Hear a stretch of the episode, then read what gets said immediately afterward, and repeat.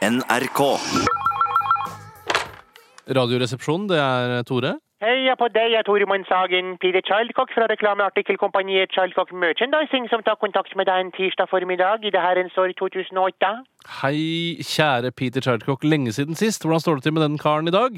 Er alt som det skal i reklameartikkelbransjen? Nå, jeg må innrømme overfor deg, en av mine aller, aller beste kunder, at dagen i dag, den aller første dagen av april 2008, ikke er den beste jeg har hatt i mitt lange og nokså turbulente liv. Ja. Min nære samarbeidspartner, og kollega og følgesvenn gjennom en årrekke, han Louis Samson, har blitt lagt inn på sykehus med smerter i brøstet sitt. Huff da, Peter. Hva er det som feiler nå? Er det hjertet, eller? Jeg kan ikke si noe helt sikkert ennå, Toremann, men sannsynligvis er det snakk om hjertetrøbbel foran Louis, ja. Men det får prøvene vise, Toremann. Ja, ja, men burde ikke du være på sykehuset sammen med kollegaene dine, og ikke sitte på telefonen med meg? Sannsynligheten for at vi i Radioresepsjonen skal kjøpe noe som helst av deg, er jo minimal i utgangspunktet. Nei, Tore Mann, det reklameartikkelshow must go on, og jeg er sikker på at en Louis ville ha ønska at jeg holdt bedriften i gang i hans fravær.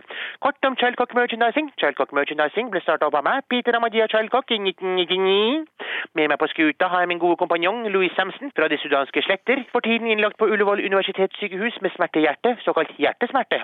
Vi har en hel rekke fornøyde kunder i vårt kunderegister, som til eksempel raggsokkprodusenten Skikkelig raggede sokka AS, Postidlappa Norge, Servin Vega høyttalere og en Bass Matters. Frokostshowet på Radio 1, God morgen Norge, slikkepinneprodusenten Slikk meg, Sørreisa kommune, Felleskjøpet, Kinnarps kontormøbler, HP Computers, Hennes og som jaurits, Golfutstyrimportøren Glory Hole Nordmøre, Veidekke, Trekukmakeriet Spikkenpikk og Ikea møbler og ræl.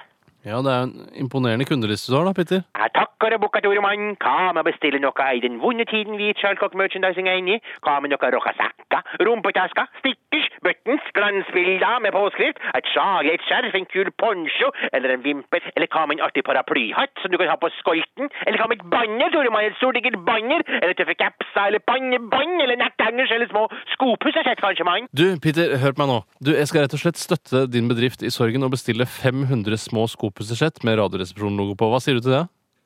Er du seriøs nå, Toremann? Oh yes. Jeg blir over begeistring. Hvor mange sa du, Toremann? 300 skopussersett med logoen deres på? Nei, 500 flotte skopussersett. 500 skopussersett med logoen deres på! Det kan ikke være sant! Det er en gledens dag, Toremann! Jeg må innrømme en liten sak her, er jeg redd, Toremann. ja. Ja vel, hva da? Jeg må innrømme at Louis Samson sin hjertesykdom var en bisarr aprilspøk fra min side. En aprilspøk framlagt av meg til salgsfremmende bruk.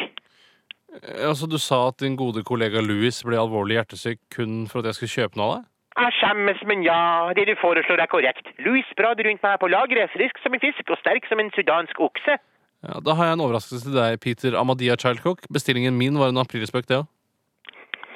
Nei. Jo. Nei, nei, det, det jeg, kan, jeg, kan, jeg kan ikke tro det. Det er en dobbeltspøk. Ja. Det var en dobbeltspøk. Du sa du skulle kjøpe 500 skopussersett med logoen deres på, Toremann. Ja, men det var før jeg visste at Louis ikke var sjuk. Ja, din din satans og din quisling! Ha det bra, Peter. Ha det bra, Peter. Var det en aprilspøk det også, Toremann? Nei, det var det ikke. Legg på nå. Gjør det du. Du legger på nå. Ha det. Ha det.